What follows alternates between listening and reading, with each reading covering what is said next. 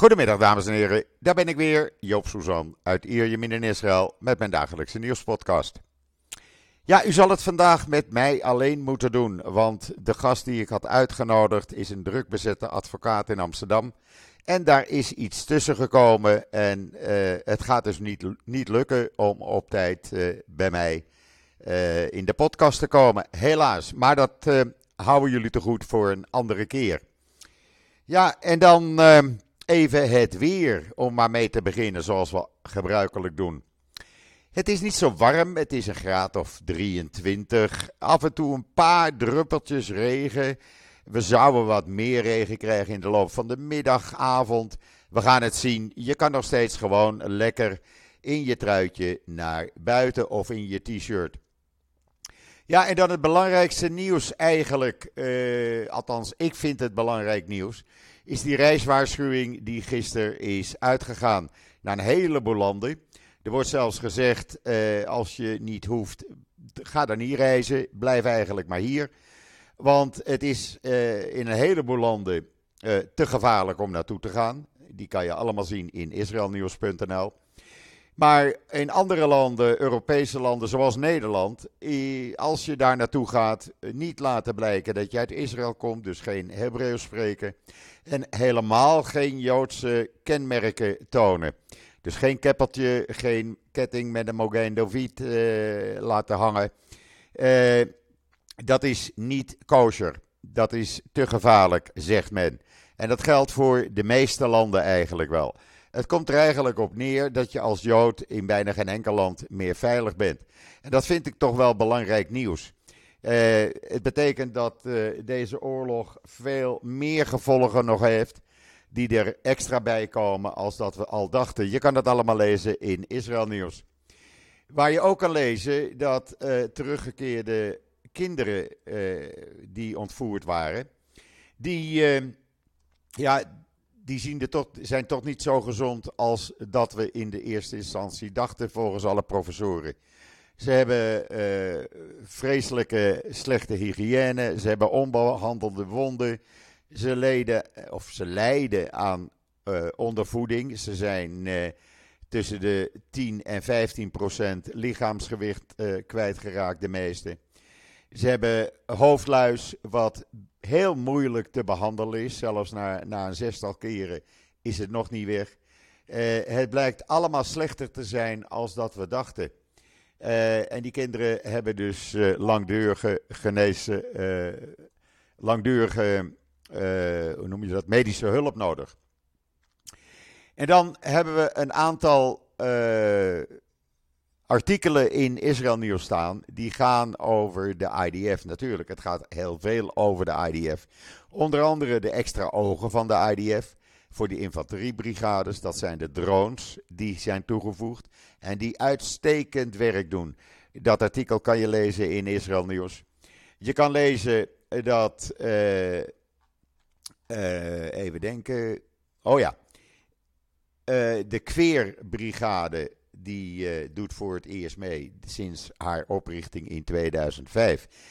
Die, brigade heeft nooit eerder uh, in uh, Gaza gevochten en doen dat nu wel. ontdekken erg veel, juist deze brigade, ontdekt erg veel Hamas-tunnels, de tunnelingangen. In moskeeën, in scholen, in kleuterscholen vooral. Dan een verhaal over het 601ste bataljon dat was in echt dichtbij gevecht met uh, Hamas-terroristen. Die zaten in een huis. Nou, dat is op video uh, opgenomen, dat gevecht. En je ziet de kogels echt uit de machinegeweren komen. Uh, zo duidelijk zie je hetzelfde. Moet je maar echt even gaan kijken in dat artikel. En dan is er een operationele oefening geweest in de Druze-dorpen voor de Druze IDF-soldaten. Die moesten oefenen op de Golan. En dat hebben ze met uh, volle overgave gedaan. Ze zijn daar beren trots op als je ze ziet. Uh, ja, ik vind dat een, uh, een bijzonder artikel. Wat niet bijzonder is en eigenlijk afschuwelijk is hoe Amit Susanna op 7 oktober als een leeuwin vocht tegen zeven terroristen die haar mee wilden nemen, kleren van haar lichaam scheurden En uiteindelijk is hun dat ook gelukt. Maar als je ziet hoe deze vrouw terugvocht tegen die zeven terroristen. Ze was nergens bang voor. Ze is verleden week vrijgekomen uit gijzelaarschap. Uh, ja, ziet, is in redelijke staat. Maar als je die beelden ziet. Nou, nou, nou, het is verschrikkelijk. Het zijn toch echt beesten. Het zijn echt. Ja, het zijn geen normale mensen.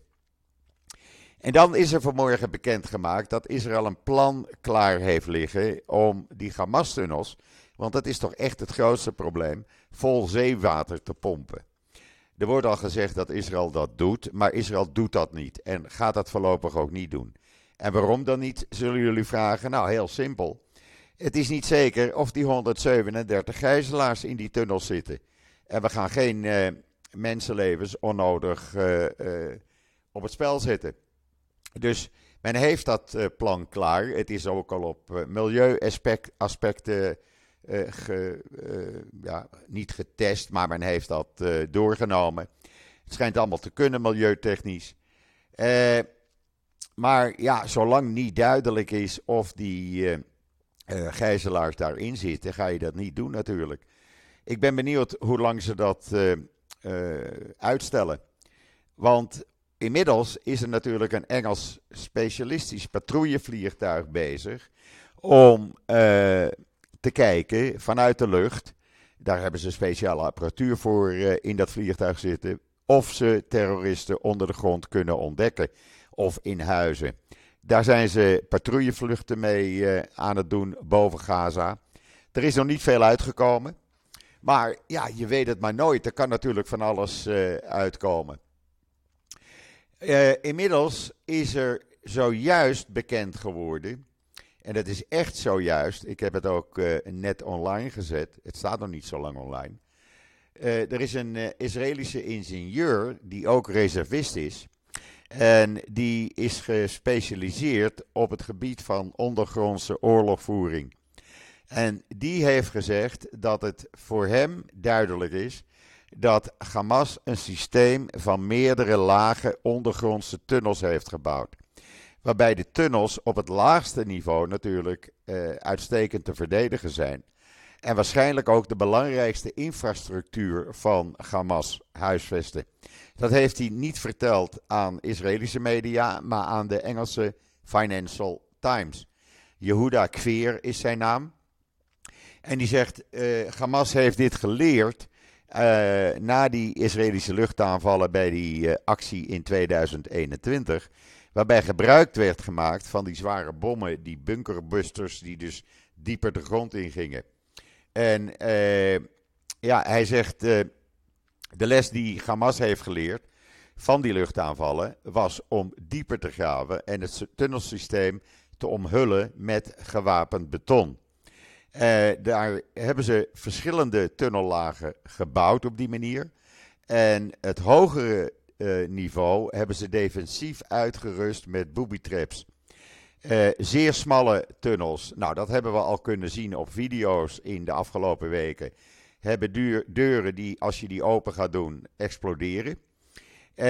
Maar het gaat natuurlijk om die lage uh, tunnels, waar dus de belangrijkste infrastructuur en apparatuur van Hamas in zit. En dat zou bijna, ja, ik wil niet zeggen onmogelijk, maar het zou het moeilijkste zijn om dat te bereiken. Ik weet dan niet of je het kan redden met die tunnels vol water te, te pompen. Want ja, uh, daar zal het ook wel tegen beschermd zijn. Inmiddels had vanmorgen de IDF aangekondigd dat er drie militairen gedood waren, gesneuveld waren in Gaza. Zojuist, terwijl ik dit zit op te nemen, is er bekendgemaakt dat er nog twee soldaten zijn gesneuveld. Dat is een 24-jarige deputy company commander, commandant, Yahel Gazit. En nou heb ik een telefoontje, ogenblikje graag. Dan moeten we even de telefoon af gaan zetten. Nou, het is dan toch gelukt. Ik heb uh, de drukbezette Ron IJzerman aan de lijn. En uh, daar gaan we met hem uh, meteen verder. Want Ron is pas terug uit Israël, waar hij een solidariteitsreis heeft gehad.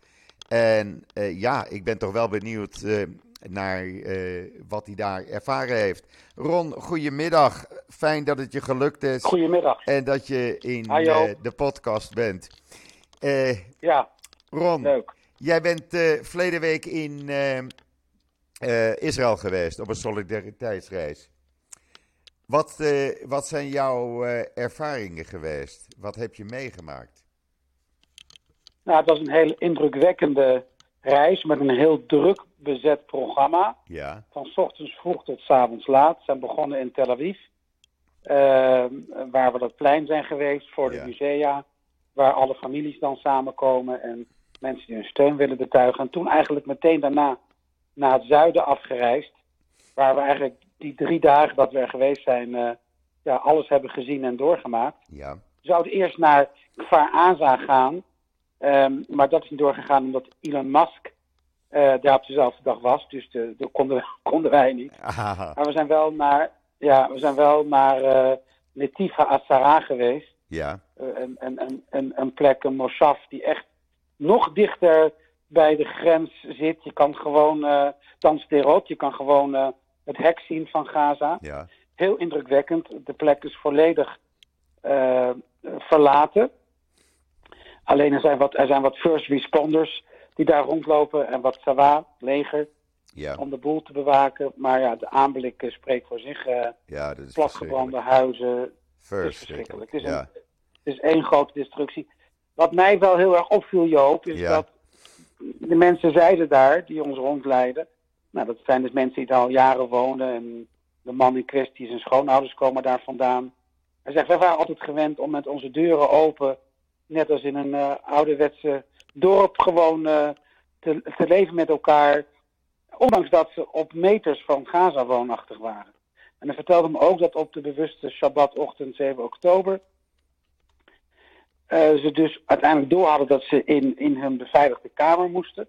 Maar dat de meeste mensen niet eens de sleutel hadden of konden vinden van die beveiligde kamer. Om het op slot te doen van binnen. Want ja, ze waren wel gewend om af en toe in die, in die, in die kamer te gaan vanwege raketten. Maar hadden nooit voor mogelijk gehouden dat er echt ja, Hamas-terroristen in, fysiek in die dorpen zouden komen. Ja. Dus ja, dus wel, dus ze hebben, die man die ik sprak heeft echt in alle paniek moeten zoeken naar die sleutels om van binnenuit die beveiligde kamer te kunnen afsluiten. Ja, en ik- dat is dan gelukt. ik maar kan me daar iets bij voorstellen. niet. Ik kan me daar iets Ja. bij voorstellen, want in de brief, eh, kibbutz van een van mijn broers, Betta Emek, ja, daar slaap je ook Ja. met, de, met de deuren eh, open. Eh, als ik daar slaap met mijn hond, dan loopt mijn hond in en uit dat huis. Ja. Dat ben je zo Ja, gewend. dat viel me wel zo op. Oh, Noem het naïviteit of noem het, het, het, vertrouwen in de mensheid of in, de- in het leger. Maar die mensen wonen echt op 100 meter van Aza en die deden dat ook. Ja, Ja, dus, en, en ja, dat verbaasde mij wel enigszins. Verbaasde, dat viel me op. ja. Ik kan me dat heel Eh, goed en, en voorstellen. het was ook Nativa Azara was een plek waar, ehm, ik weet niet of je, je hebt daar een monument van mozaïek die Ja. eh, is gemaakt, heel mooi, heel groot. Dat heet Nat- Nativa Azara. Een bezoekersplek voor heel veel mensen uit eh, Israël, maar dat heel mooi is. Nou ja, dat, daar, vanaf daar zie je ook de grens. En die mensen, die kunstenares die dat gemaakt heeft, die ook in, in dezelfde plek woont, ja, die is met haar man levend verbrand. Och, Dus och, het zijn de och. mensen, juist de mensen, ehm, die open stonden eh, voor, voor, voor, eh, voor vrede, eh, die hun hand letterlijk uitreikten naar de bewoners van Gaza, Ja, die zijn ook rukzicht, rukzichtloos afgemaakt. ik ben daar in het Dat verleden regelmatig geweest, want vooral in het voorjaar is het daar Ja. prachtig, staat alles in bloei. En dan rij je langs Ja. die Moshav en langs die kibbutzim. En dan heb je aan de rechterkant, als je van zuid naar noord rijdt, heb je dus die kibbutzim Ja. en Moshavim liggen. En aan de linkerkant is, is het hek met, met Gaza. Je, je ziet de mensen in Gaza gewoon. Ja, en dat is allemaal Ja. weg nu.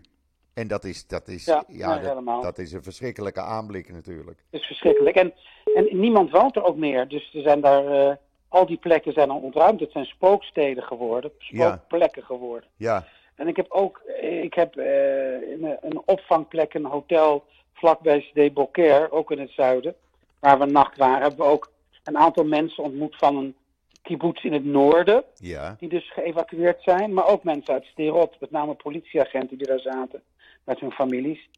Ja, die zijn, ja, je ziet aan die mensen dat ze totaal echt ontheemd zijn. Je ziet Ja. ook nog steeds de angst en schrik in hun ogen. ja, Zeker de mensen in Sterot, wat die hebben meegemaakt rond dat politiebureau. Die, daar zijn ook geloof ik twaalf agenten eh, omgebracht, vermoord. ja. En ehm, ja, die, die zijn er heel slecht aan toe. En Sederot wordt En- nog steeds gebombardeerd. Of eh, met Ja, raketten het is- beschoten, laat ik het zo zeggen. Ja, Elke ja en er dag. wonen, wonen, er wonen 30 30.000 mensen in Sterot. Ja. En- Er zijn er nog... Oh, nou valt hij even weg. Ja, ja dus eh, en Sterot, dus de mensen uit Sterot, waar dus 30.000 mensen normaal wonen, Ja, zijn allemaal verspreid over Israël ja, op 180 verschillende plekken. Dus de hele cohesie, saamhorigheid is ook weg. ja. De hele gemeenschap Ja, is die uit mensen zijn elkaar. echt onthemd. Ja, Er wonen er nog een aantal, hè? Die willen niet weg uit uh, ja, Sederot. die willen niet weg. Ja, klopt, klopt. Onbegrijpelijk. Ja, maar ja- Onbegrijpelijk. Ja, Ja. Je, je hebt ook nog wat geoogst, hè? Had ik eh, gezien. ja we, zijn, we zijn in een bananenplantage geweest. Ja, Wat een project is van, eh, van JNF. Nou, dat was, was heel bijzonder. En de dag later, toen was ik, had ik even een privéprogramma. Zijn we ook nog eventjes eh, avocado's gaan plukken. Nou, ja, heel bijzonder. Alles. ja, Maar ja, er zijn dus, dus 20.000 Thai-werkers, die zijn, missen ze nu. ja, En die Thai, die Thai-werkers, die, die werken voor drie. Ehm, dus er is, er is heel veel behoefte aan extra handjes. ja. Ik heb pas en nog ook een... eh, Nederland wordt... Ja, ik heb pas een oproep gedaan eh, eh, met een hele Ja. lijst erbij, met allerlei organisaties die dat organiseren. Mensen kunnen dat terugvinden nog op israelnieuws.nl, want we hebben, Israël heeft echt behoefte aan vrijwilligers op dit moment, echt waar. Ja, Ik kan ja dat niet zeker vaak in die genoeg zeggen. landbouw... Ja, Zeker in de landbouw in het zuiden, daar gaat het, hebben ze echt handjes nodig. Ja. En, en, eh, en daar wordt voor slaapplekken geregeld, dus daar hoef je niet bang voor te zijn. nee, Je en je, verzeker- je verzekering, je reisverzekering wordt door eh, Ja. de meeste organisaties eh, voor hun rekening genomen. Wordt allemaal geregeld. Ja, Ja. Kijk even, dat zeg ik dan tegen de luisteraars, kijk even op israelnieuws.nl. Zoek onder het woordje vrijwilliger. En dan kom je dat artikel met een tiental organisaties met links naar die organisaties toe, meteen tegen. En kan je je koffertje pakken en hier de handen uit de mouwen steken. Goed, ja, want dat is het nodig. gewoon. Het is, het, is, eh, het, is een, het is een ramp. Het is niet alleen die oorlog, maar alles wat daar omheen komt. Het begrotingstekort wat oploopt richting 4%.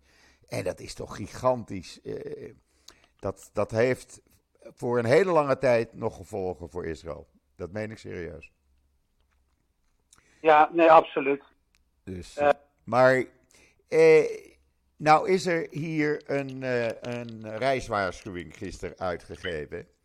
Eh, we moeten, voor- moeten eigenlijk niet gaan reizen als je uit Israël komt. En als je dan toch gaat, moet je heel voorzichtig zijn. Ook in Nederland. Nou ben ik al lange Ja. tijd niet in Nederland geweest, want de corona kwam ertussen en nou deze oorlog, helaas. Maar dan is de situatie ook in Nederland niet kosher natuurlijk. Nee, nee. ehm, eh, het is, het is, ja, het koos, niet koos wil ik zeggen, maar als Israëli die op vakantie is, kan je heel snel worden betrokken bij van die, eh, ik noem maar Hamas-achtige demonstraties. Ja, Of op Schiphol, of op de, op, op, ehm, de stations. ja, Ik las net dat eh, dat verschrikkelijke mens Asja ten Broeke weer aankondigde dat er dus op de eerste avond Hanukkah, dat is dus eh, donderdag. donderdagavond, Ja, ja, eh, ze ook weer op allerlei stations weer gaan eh, demonstreren. Onder andere op het Centraal Station hier in Amsterdam. En als je daar dan komt als, ehm, ja, als Israëlische toerist en je wordt ermee geconfronteerd en je hebt je keppel op of, of, of je hebt een, een vlaggetje op aan, ja, dan kan dat tot toestanden leiden. Dat Ja. hebben we ook al eerder gezien. En je weet ook niet hoe, hoe Israëli's zelf reageren. Er is Nee. natuurlijk zoveel eh, frustratie, woede, onmacht. Dus Nou, ja, ik begrijp wel dat men zegt: ga eh, alleen naar het buitenland toe. Als je bereid bent om je niet als Israëli eh, uit te geven. Wat natuurlijk schandalig is dat het moet. dat dat moet. En ook geen Hebreeuws Ja. spreken. Hè? Er, wordt, er is een hele Nee. lijst met zaken waar, eh, waar je rekening mee Ja. moet houden. Wat je niet moet doen. Eigenlijk meer dingen wat je niet moet doen als wat je wel moet doen. Ja. En ja, ik vind dat toch iets. eh, het zou mij niet tegenhouden. Ik bedoel, maar ik ben nu te druk met deze oorlog eh, te verslaan. Maar ja, het is toch verschrikkelijk dat je zo, zo wordt gediscrimineerd. Want zo mag ik het toch noemen. Absoluut. En, en het, het probleem is ook, als Sidi, hè, ik ben voorzitter van Sidi, dat weet je. Ja, Ehm, en en eh, nou, dat, je, dat we ook heel veel berichten krijgen van Israëli's die hier dan zijn. En dat ze met dit soort dingen worden geconfronteerd en eigenlijk niet weten wat ze ermee aan moeten. Is het strafbaar? En, ja, ze, kijk, in Israël is natuurlijk, staan alle eh, neuzen dezelfde richting op, eh hoe ik jou moet vertellen. absoluut. Saamhorigheid, eenduidigheid, vastberadenheid. En dan kom je als Israëli, wil je even, je even luchtje scheppen in het buitenland, even uit de situatie. En dan kom je dus in een land terecht waar die neuzen niet in die kant op staan, waar, waar op straat heel veel nare Israël-haat te zien is. Nou ja, en dat kan natuurlijk leiden tot frustraties bij iemand. Ja.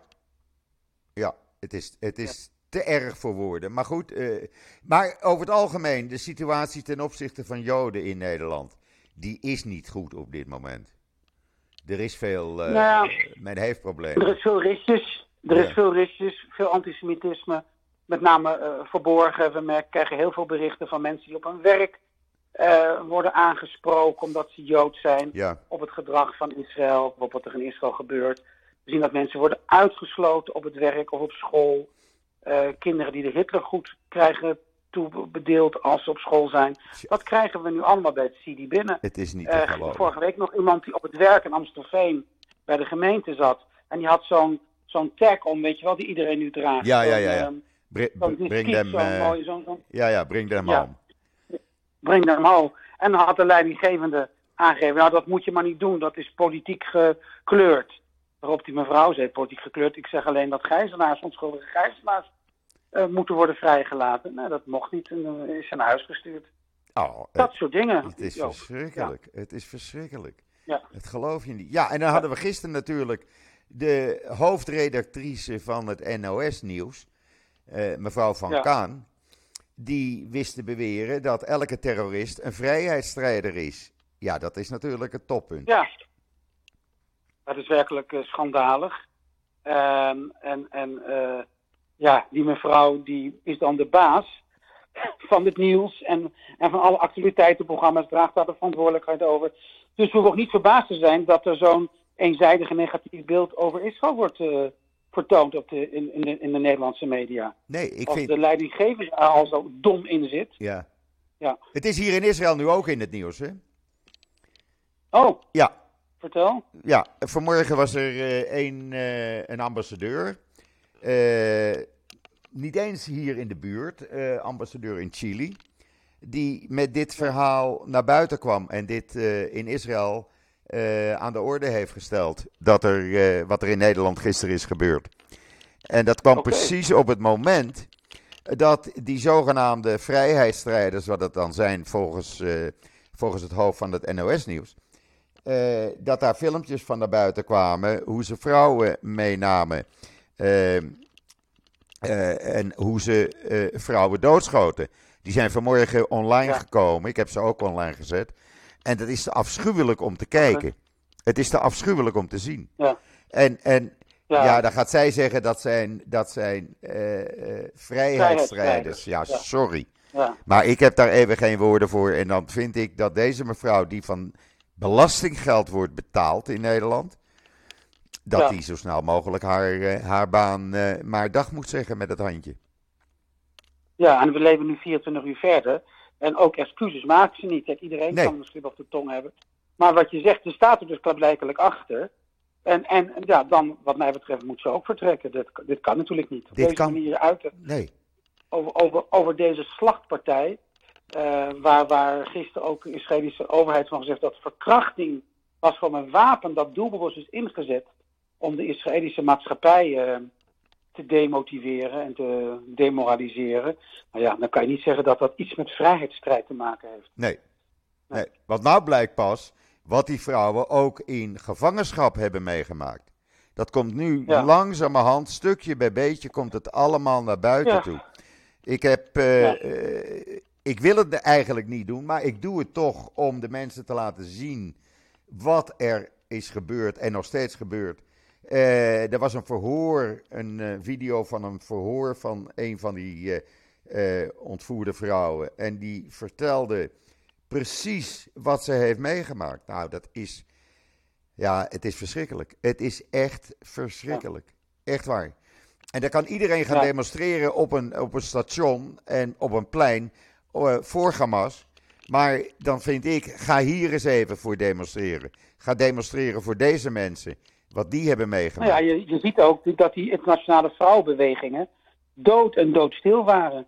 Nog steeds. Die, zijn, die hebben niks van zich laten horen, nog steeds. Nog ja. steeds. Het is werkelijk schandalig. Ja. Nog steeds. En, en, en uh, wat je zegt, hè, dus uh, zogenaamde vreedzame demonstraties. Ze zeggen dus ceasefire now, maar wel intifada, intifada. Ja. Dus het, het, het, het, het, het, het ruimt ook niet met elkaar. Nee. En we, hoe, erg, hoe erg wij het ook vinden, jij en ik Joop, ja. en al onze luisteraars en vrienden. Um, we vinden van Israël, Joden vinden het niet leuk om oorlog te voeren en om mensen te moeten uitschakelen. Maar nee, dit, absoluut niet. Iedereen. Niemand, niemand, zit hier te wachten, niemand zit hier te wachten op een Nee. oorlog. Echt niet. Want het hele Nee, leven is maar- ontregeld. Maar het, we zijn wel vastberaden, men is vastberaden, ook mensen aan de uiterst linkerkant, om, om Hamas wel uit te schakelen nu en om niet te stoppen. Ja, Dit, Dat- moet, dit, moet af, dit moet gebeuren. het moet gebeuren. Er is geen andere oplossing. We kunnen niet doorgaan op deze manier. We kunnen niet constant die terreuraanvallen krijgen. Ik bedoel, eh, En elke deze- keer die en aanslagen. deze, en, deze, en deze oorlog is voorbij zodra Hamas zich overgeeft. Hè? Dat is ook nog een keertje een ding. Ja, Dan is het klaar. Maar dan echt overgeven, dat betekent ook op de Westbank. Hè? Want eh, toevallig had ik eh, zondag en maandag twee specialisten in de podcast. Ik had zondag eh, de heer Afshin Elian en gisteren Ja. Kobi Zieger, militair specialist. En die vertelden onafhankelijk van elkaar precies hetzelfde: dat de kans erg groot is dat als deze oorlog op zijn eind loopt met Gaza, met Hamas in Gaza, eh, Iran eh, de Westbank en Hezbollah hun gang laat gaan. Ja. Die Ja. kans is erg groot. Dus je moet gewoon Hamas helemaal uitschakelen. Nee, eens. Eens. Want Eens. eh, we kunnen niet in. Kijk, mensen die, die, die hier tegen, tegenin gaan. Eh, ik heb al een paar keer geroepen, dan hebben, die hebben gelukkig nog nooit een terreuraanslag meegemaakt. Of mensen uit bussen zien hangen na een terreuraanslag. Of bij eh, mensen op bezoek geweest die iemand hadden verloren. eh, zo, of het nou door een terreuraanslag of in het leger is geweest. Dat moeten ze eens Ja. een keer meemaken, want dan ga je anders redeneren. Dan zie je de Tuurlijk, realiteit. Uit, men- mensen, mensen doen dat uit, uit hun comfortabele positie in Nederland, waar iedereen kan roepen. Maar eh, de mensen die, dat, die die demonstratie bij zo'n groot deel, zodra ze één stap in Gaza zetten, wordt ze ook een kopje kleiner gemaakt. Absoluut. Absoluut. En dat geldt helemaal voor de, eh, de homobeweging die eh, met hun Palestijnse Ja. vlag staan te zwaaien. Op het moment dat ze één Ja. voet op de Westbank zetten of in Gaza, worden ze van het hoogste dak wat in de buurt is gegooid. Want zo werkt het. Maar dat wil Ja. men niet onder ogen zien. En ik vind dat, ja, ik vind dat ook de schuld van de Nederlandse media. Echt waar. Men geeft Ja. on, eh, Ja, eh, verkeerde informatie. Verkeerde informatie.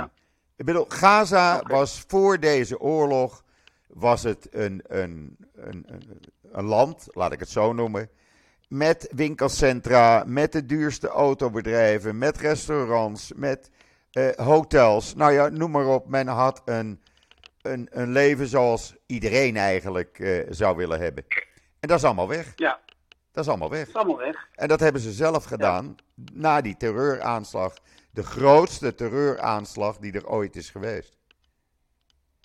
Ja, en, en, en, en met een impact. Je hebt, zoals iedereen zegt, je hebt een, een Israël of een Midden-Oosten voor en een Israël Midden-Oosten na 7 oktober. Ja, nu wel.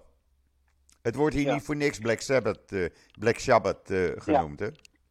Ja, ik was bij de tijdelijke begraafplaats van de, van de slachtoffers eh, in Be'eri. Die Ja. zijn nu tijdelijk in een andere kibbutz begraven, Ja, zodat Be'eri weer begaanbaar is. En er staat ook op inderdaad de Shabbat ha- HaShora. Ja, die Black Sabbath. omgekomen zijn of vermoord zijn. De blak om de zwarte Shabbat. Ja. Ja. Israël is ook veranderd hoor, naar, naar die Shabbat natuurlijk. Iedereen praat er nog elke dag over. Het is elke dag nog in het nieuws. Omdat je elke dag geconfronteerd wordt met de gijzelaars die nu vrij zijn. En nu hun verhalen Ja. naar buiten komen.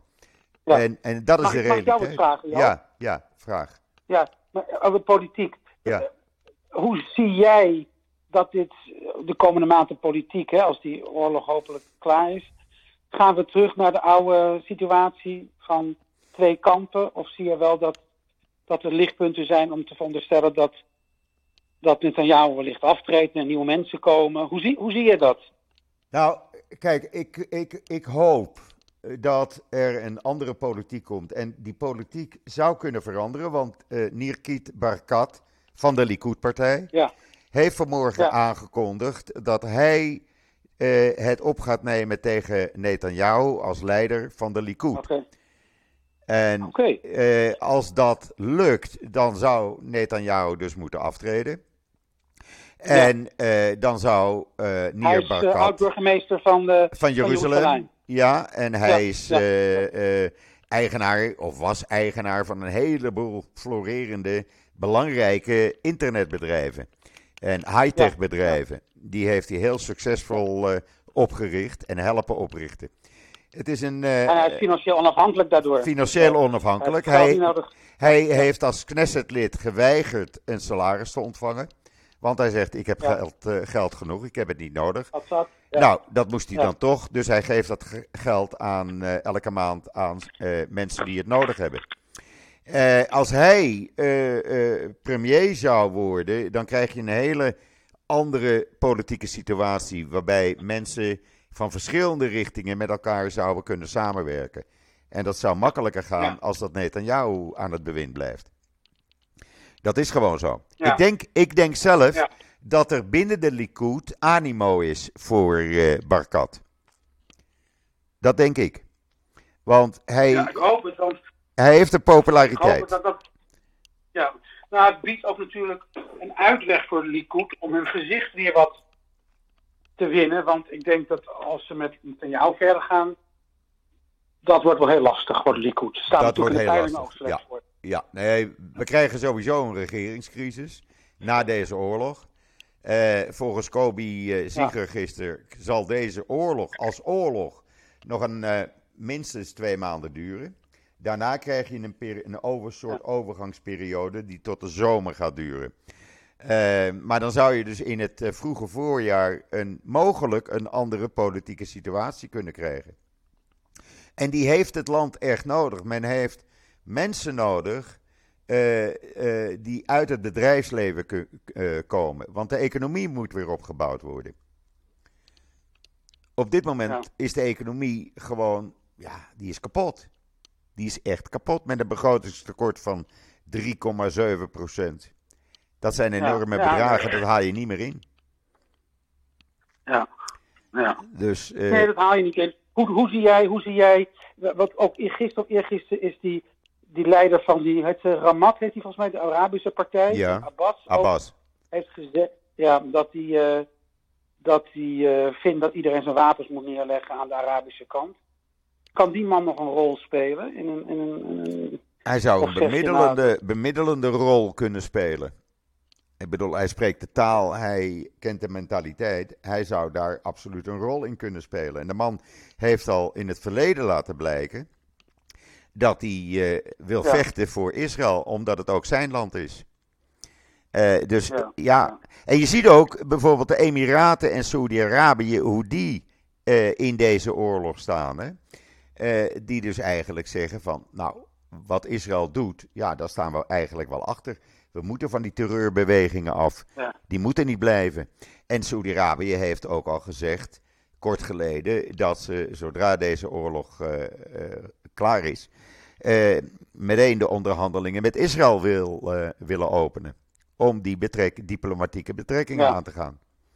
Dus ja, ja, dat zijn allemaal positieve signalen. Maar ja, eerst zal je een andere politieke leider bij de Likud moeten hebben. Absoluut. Ja. Ja. Ik bedoel, Netanyahu heeft zaterdagavond ook een enorme blunder begaan natuurlijk op televisie. Ja. Uh, door te zeggen dat... De... En hoe kijk je tegen... Sorry? Ja, Sorry. ik zeg door, door te zeggen in zijn tv-toespraak, antwoord op een vraag van een journalist, dat die uh, Israëli die werd neergeschoten uh, bij die terreuraanslag in Jeruzalem, die dus nota bene de terroristen Ja. had neergeschoten, ja, that's Ja. life. Ja, dat kan je natuurlijk niet zeggen. Dat kan je natuurlijk niet That's zeggen. lies, maar dat is niet goed. Nee, dat kan je niet goed. zeggen.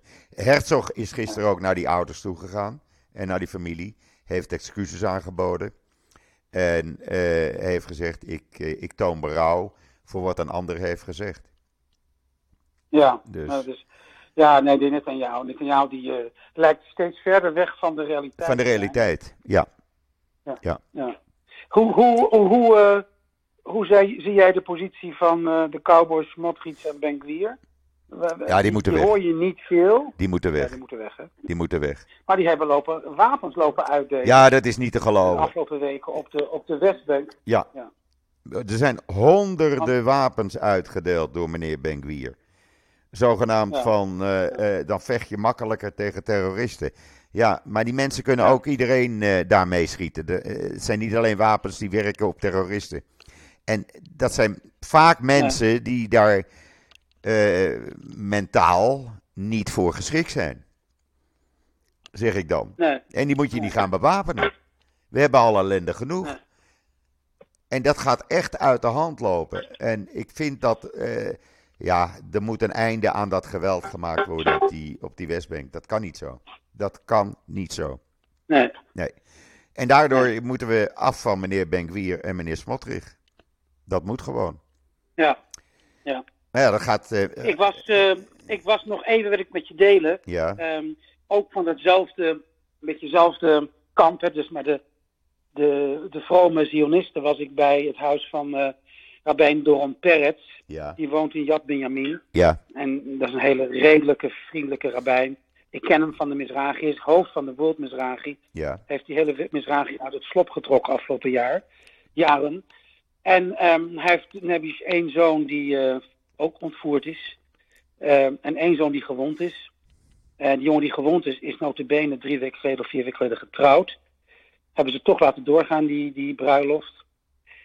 En eh, nou ja, hij heeft dus verteld over de, hoe het gegaan is met zijn twee zoons op de, op de 7 oktober. Ja. En ja, dat snijdt door het hart. erg hè? En, eh, ja, en, die, en die, solda- die soldaten komen natuurlijk, als ze ooit komen, komen als laatste terug. Ja. Dus eh, dat hebben we bij Shalit ook gezien, Gilad Shalit. Maar ja, dat is verschrikkelijk. Ja, het zijn de- verschrikkelijke verhalen. Ik zou zeggen, ik heb Ja, één, eh, Die mensen, een, een van de zoons van eh, Michel, mijn overleden meisje, die eh, is dus met zijn Ja. vroegere eenheid, zijn ze vrijwillig in dienst gegaan. Hè? En ik heb die jongen dus al eh, zeven weken niet meer gezien, nog gesproken. Het enige teken wat ik af en toe van hem krijg, is een duimpje om te laten zien dat hij oké is. Eh, Ja. Of ik krijg van eh, een berichtje van Joop, ik ben oké. En voor de rest heb ik al die weken geen contact meer met hem kunnen krijgen, want hij moest zijn telefoon inleveren. En hij zit niet eens in Gaza, want hij zit bij een inlichtingeneenheid. Maar zijn telefoon moet hij afgeven. En dat is verschrikkelijk. Dat is echt verschrikkelijk. De hele, de hele familieband is uit elkaar gevallen. ja, en je, hebt, je, je staat ermee op en je gaat weer naar bed. Ik bedoel, je Ja. kan er niks anders denken over. Nee, precies. precies. En dat, dat, dat Ja. geldt niet alleen voor mij, maar dat is voor elke familie. Elke familie in Israël kent iemand die iemand verloren is. Of waar eh, eh, jongeren gewond zijn geraakt. Elke familie kent dat. Ja. En, en ik ja, heb, er zijn ook 7000 gewonden, dat vergeten we ook. ja, en we die- hebben die inmiddels eh, in die oorlog 80 eh, militairen die gesneuveld zijn. 80. Dat zijn er veel. Ja, ja. Dat zijn er echt veel. En die, ik, Het zijn er 80 te veel. zijn er 80 te veel. En nu die gevechten in het zuiden doorgaan, in alle hevigheid. eh, als je die filmpjes ziet die ik plaats op mijn eh, website Israël Nieuws. eh, ja, ik ben bang dat er veel meer jongeren gaan sneuvelen. Ik vind dat verschrikkelijk. Echt, ik vind dat verschrikkelijk. Heel tragisch. Ja, ja, Ja. ja. En ik ben bij de familie geweest van, of de zoon van mijn zwager, die dus een, een zoon verloren heeft in de eerste week. Nou, die mensen zijn nog steeds, na zes weken, nog steeds een wrak. Die kunnen niet functioneren. Die kunnen niet functioneren. Die jongen was net een eh, tien maanden getrouwd. Ik ben nog op zijn bruiloft geweest. En die mensen zijn kapot. Het hele gezin is kapot. Ze kunnen niet functioneren. Dus het heeft enorme, enorme gevolgen voor iedereen. Ja. Ben je er nog? Oh, nou valt hij weg. Nou, dan zullen we eh, zo meteen maar even afscheid van hem nemen. Want ik zit toch al aan de, aan de, limiet, aan de, de limiet, dames en heren. Eh, maar hij, eh, hij valt helaas weg. Ik zie hem niet meer. En ja, ik zal hem strakjes wel even terugbellen en hem even bedanken. Ja, dan wou ik nog even wat nieuws met jullie doornemen. Eh, want er is nog nieuws. Ah, hij komt gelukkig weer terug. Hij komt weer terug. Ja, dat is met deze simpele techniek, eh, Ron. Staat, gebeurt het af en toe. Maar eh, ja, Sorry. dat maakt niet uit. Maakt niet uit. We waren toch eigenlijk aan het eind. En ik zei al net tegen de luisteraars. Dan ga ik hem terugbellen Ja. om hem te bedanken. Ik wou je enorm bedanken voor je bijdrage. Eh, Jij bedankt eh, voor al het goede werk wat je doet. En bijzonder nou ja, dat ik, ons op de hoogte houdt. ik vind dat mijn taak. Ik vind dat mijn bijdrage eh, in deze nare tijd. iedereen doet het op zijn Ja. manier en ik doe het op, mijn- op mijn manier. Dus alhoewel, De rabbijn, Alhoewel- vorige week, de rabbijn Ja. vorige week, we zijn allemaal reservisten. allemaal. Of we nou aan het front zitten of in het buitenland wonen. Het Iedereen doet het op zijn manier. Moet zich, Ja. moet zich reservist voelen. Ja. Zelfs mijn dochter, want die heeft er bijna een dagtaak aan om alle vuiligheid van mijn social media te halen. Ja, ik Dat- zie het af en toe voorbij komen inderdaad. Eh, hij doet ook zelf ook veel op eh, Instagram. Ze ja. doet erg veel, maar ze zegt, ik, ze verbiedt mij ook om commentaren eh, te kijken. Ik doe dat ook niet meer. Ja, af en toe toch stiekem. Je ontkomt er soms niet aan. Maar zij zegt, Nee. laat mij dat maar doen. Jij gaat er niet naar kijken. Je hebt eh, al genoeg aan je hoofd. En het, ze zegt, het is de meest smerige vuiligheid eh, die mensen kunnen uiten. Nou ja, als dat de mentaliteit is, ik kan er verder niets aan doen. En ik eh, kijk dus niet naar commentaren. Dus dan weet iedereen gelijk waarom ik niet reageer als iemand een commentaar plaatst. Nee, heel dat ga, doe ik op, op die manier. Maar goed, Ja. dit is mijn reservistentaak. Ja, om te, laten Ja. zien, te laten zien wat de werkelijkheid is. Wat er echt gebeurt. En geen mooie verhalen maken eh, met een bepaalde gedachte erachter. Daar begin ik niet aan. Ja. Echt niet. Nee. Want dat had ik ook over, over eh, Oxfam en de Rijksforum gisteren. Met hun proces tegen de Nederlandse staat vanwege het leveren van schroefjes en boutjes en moertjes voor F-35's eh, in Israël. Die begrijpen gewoon niet, als het uit Nederland niet meer ge- geleverd mag worden. Nou, dan komt het uit Duitsland of het komt uit Amerika of het komt uit Engeland. Maar komen doet het toch. Dus je bereikt er niets mee. Het is geld weggooierij. En ze staan weer even in de belangstelling met hun anti-Israël idee. Ja. Dus, Ja, eh, ja. Maar Eh, goed. Ik ben het heel met je eens. En dat was een, een verschrikking gisteren. Daar gaan we het een andere keer over hebben. daar gaan we het andere keer over Eh. hebben, want je komt absoluut weer bij mij terug. Dankjewel Joop. Oké. Blijf gezond. En, Dankjewel. En eh, hou je sterk. En nogmaals dank. Ja, oké. Hoi, hoi. Oké, hi, hi, hi. Bye. Bye. Nou, ik ben toch blij dat het eh, gelukt is, dames en heren. En dat we met Ron. Het is een beetje rommelig geweest. Maar ja, dat maakt het ook wel weer leuk. Dat we toch met Ron een eh, aflevering hebben kunnen maken zoals ik eh plande. Ja, dan. eh, eh, ik had net gemeld voordat hij inbelde. Dat er opnieuw twee soldaten waren eh, omgekomen. Ik zal de gegevens van hun eh zo dadelijk op social media zetten. Ehm, Inmiddels is ook bekend geworden dat Frankrijk de bezittingen van, van de leider van Hamas, meneer Sinwar, en dat schijnt nogal heel wat te zijn, heeft bevroren. Daar kan hij dus niet meer aankomen. Uh, even kijken, waar gaat dat over? Nou, dat gaat over een heleboel geld en een heleboel uh, onroerend goed wat door hem gecontroleerd wordt in Frankrijk. Uh, ze hebben niet de waarde erbij ver vermeld, maar dat ze daar beslag op hebben gelegd, dat ze dat blokkeren, nou dat betekent nogal wat natuurlijk. Uh, ja, dat brengt mij dan zo langzamerhand tot het einde van deze een beetje ongebruikelijke podcast, maar ik hoop toch dat jullie het op prijs hebben gesteld. Uh, en dan morgen heb ik een uh, andere gast. En dat gaan jullie erg leuk vinden. Uh, ja, laat ik zeggen. Twee Joodse mannen gaan morgen even met elkaar aan de keukentafel zitten. Nou, ik ga geen naam noemen. Dat merken jullie morgen wel. In ieder geval, morgen ben ik weer terug. En ik zeg zoals altijd: ik ben er morgen weer. Tot ziens. Tot morgen.